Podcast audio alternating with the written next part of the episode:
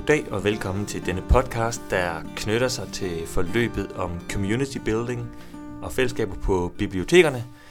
Et forløb, hvor vi skal forsøge at komme bag om, hvad det vil sige at arbejde med udgangspunkt i communities, og blive skarpere på, øh, hvordan det kan give mening lige præcis for en institution som biblioteket. Forløbet er tilrettelagt af Anders Kok Madsen fra Frederiksberg Bibliotek og mig, Stig Grønved Stark her fra Gentofte. Øh, og som optakt til øh, forløbet har jeg her fornøjelsen af at sidde sammen med Natasha Kindgud, der har forsket lige præcis i det her område med communities. Og øh, Natasha, kunne du ikke øh, til en start øh, fortælle en øh, lille smule øh, om dig selv? Jamen, jeg hedder Natasha Kingud, og jeg er antropolog og sundhedsforsker. Og jeg har blandt andet øh, forsket rigtig meget i interessefællesskaber og community building, både online og offline. Ja, og Natasha kommer til at holde et oplæg om øh, community building på det første møde den 7. maj, så der kommer I til at stifte nærmere bekendtskab med hende. Men Natasha, jeg kunne tænke mig først at spørge dig, hvad er det egentlig overhovedet for nogle tendenser, vi er vidne til i de her år med øh, fællesskaber, der antager nye former? Øh, hvad er det for noget, der er i gang i samfundet? Kan du sige noget kort om det? Jamen det kan jeg godt, og det tendensen egentlig viser er, at fællesskaber har jo altid eksisteret, men hvor at øh, det primære har været, at vi indgår i offline fællesskaber, i interessegrupper, der ligesom er baseret på specifik sted og specifik tid og rum, jamen så er det blevet meget mere flydende, så der er egentlig tale om en, en form for flydende socialitet, og den ses jo i stigende grad i forhold til den her digitalisering og modernisering, øh, hvor både øh, socialiteten øh, er blevet flydende, men også øh, i form af, at, øh, at vi oplever en form for tab af sikkerhed på grund af individualisering og autonomien, der gør, at vi også har brug for at indgå i mere meningsfyldte fællesskaber. Så samtidig med, at vi ser lidt en shopper-tendens, i hvert fald på de sociale medier, hvor man shopper ind og ud af interessefællesskaber, siden den her funktion opstod i 2010, jamen så er der også en søgen efter øh, både mening og få opfyldt nogle behov. Og de her behov, jamen det kan også relatere sig til, at øh, vi har et velfærdssamfund, som er lidt i krise, og vi har haft nogle økonomiske kriser og en større privatisering også inden for sundhedssystemet. Så man har, der er i hvert fald rigtig mange interessefællesskaber, som nu eksisterer på baggrund af, af fælles sygdomsidentitet. Øhm, og det er simpelthen fordi, at meget af af behandlingen er flyttet fra klinikken og hjem i hjemmene hos folk. Så der er både behovsstyret, man kan sige fællesskabsinteraktioner, og så de mere sådan interesse- og meningsdannende fællesskaber. Mm-hmm. Vi kan jo vende tilbage til det der med, hvad det er for behov, vi får dækket øh, ved at opsøge fællesskaber. Øh, tidligere, øh, så var det i høj grad øh, ens tilhørsforhold til et lokalsamfund, eller øh, et bestemt erhverv, man tilhørte, som ligesom var det, der samlede fællesskaberne, var knudepunkterne i fællesskaber.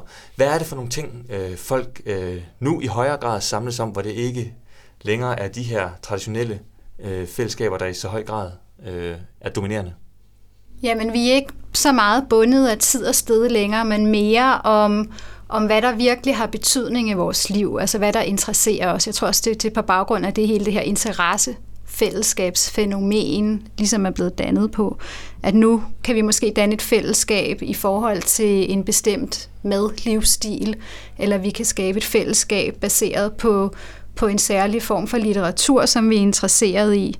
Men samtidig, altså det der egentlig sker nu, er, at vi er gået fra generelle fællesskaber, hvor man egentlig bare mødes øh, på baggrund af ønsket om socialitet og måske noget tilhørsforhold til en yderligere specialisering af fællesskaber i fællesskaberne. Så der sker den her segmentering nu, og den er særligt øh, meget synlig på de sociale medier, hvor man har nogle generelle grupper, der er blevet segmenteret og, og, og hvad kan man sige, bliver meget mere individualiseret. Så hvis man har en generel gruppe øh, på baggrund af en eller anden fælles interesse, jamen så bliver de mere og mere specialiserede. Det kan både være at det i forhold til køn, men også til specifikke praksiser i den her gruppe. Mm-hmm. Tidligere var du øh, lige kort omkring øh, det her med de behov, vi får dækket ved at indgå i øh, fællesskaber. Kan du sige lidt mere om, øh, hvad er det, vi får ud af at opsøge fællesskaber? Hvad er det, vi finder der, øh, som vi ikke øh, får på andre måder i vores liv? Jamen, vi får inspiration, og nogle gange får vi også inspiration til, hvordan vi ellers kan leve vores liv i en presset hverdag. Øhm, og så de ekstreme meningsdannende. Altså man får også den her følelse af, af tilhørsforhold og mening. Så man plejer at dele fællesskaberne op i forskellige områder. For eksempel får man, man kan sige, at der, der er det sociale formål eller den sociale støtte, og så kan der være den følelsesmæssige støtte. Mange af fællesskaberne bliver også brugt til at ligesom at udveksle narrativer og autobiografiske historier, og det kan være sådan meget tillidsskabende i, i forskellige sammenhænge. Øhm, og det er det her, den her spejleffekt, som man kalder det, aktiverer nogle spejlneuromer, som gør, at man får en følelse af, af fælles identitet. Øhm, og det er, det er sådan på flere niveauer, alt fra praktiske tips og viden, til udveksling af erfaringer og færdigheder, til følelsesmæssig og, og social støtte. Biblioteket det er en institution, som øh, har arbejdet meget med øh, et begreb, der hedder formidling. Det står centralt som øh, noget, vi arbejder øh, intens med. Øh, og traditionelt øh, så er formidling noget, der typisk øh, udgår fra en ekspert øh, og har nogle modtagere, som øh, forholder sig forholdsvis passivt øh, eller forbrugende i forhold til den information. Når vi arbejder med communities, så er det lidt nogle andre dynamikker, der går sig gældende. Øh, og hvis vi prøver at sætte fokus på det her formidlingsbegreb, hvad er det så, communities de kan i forhold til at formidle budskab, viden, litteratur, eller hvad det kunne være? Altså først og fremmest så tænker jeg, at altså det du lige skitserede op, det må tilhøre den gamle skole. For læring i dag, den, der er også meget, der viser, at, at den bedste måde, vi lærer på, det er, hvis vi ligesom øh, bliver motiveret til at reflektere, og bliver motiveret til ligesom at, at dele egne erfaringer, eller i hvert fald reflektere baseret på egne erfaringer. Og det er det, de sociale medier eller fællesskaber, både online og offline, kan, og hele det her community building, jamen det går meget på, at interaktion foregår peer-to-peer, det vil sige bruger til bruger, og hvor man ligesom trækker på, på personlige og individuelle erfaringer, som så bliver på en eller anden måde generaliserbare eller ligesom fordrer til, til yderligere social interaktion.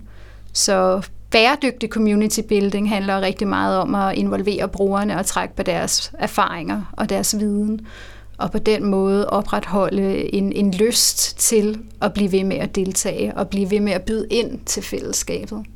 Nu ses vi jo igen den øh, 7. Maj, Natasha. Øh, er der et spørgsmål, som du synes, det kunne være spændende, at øh, deltagerne bruger lidt øh, energi på at reflektere over, inden vi mødes den 7. maj? Altså man kan jo tænke lidt over, hvad det er for nogle fællesskaber, man er en del af i sin egen hverdag. Og hvad er det, der gør sig relevant i de fællesskaber? Er de baseret på interesse eller på behov?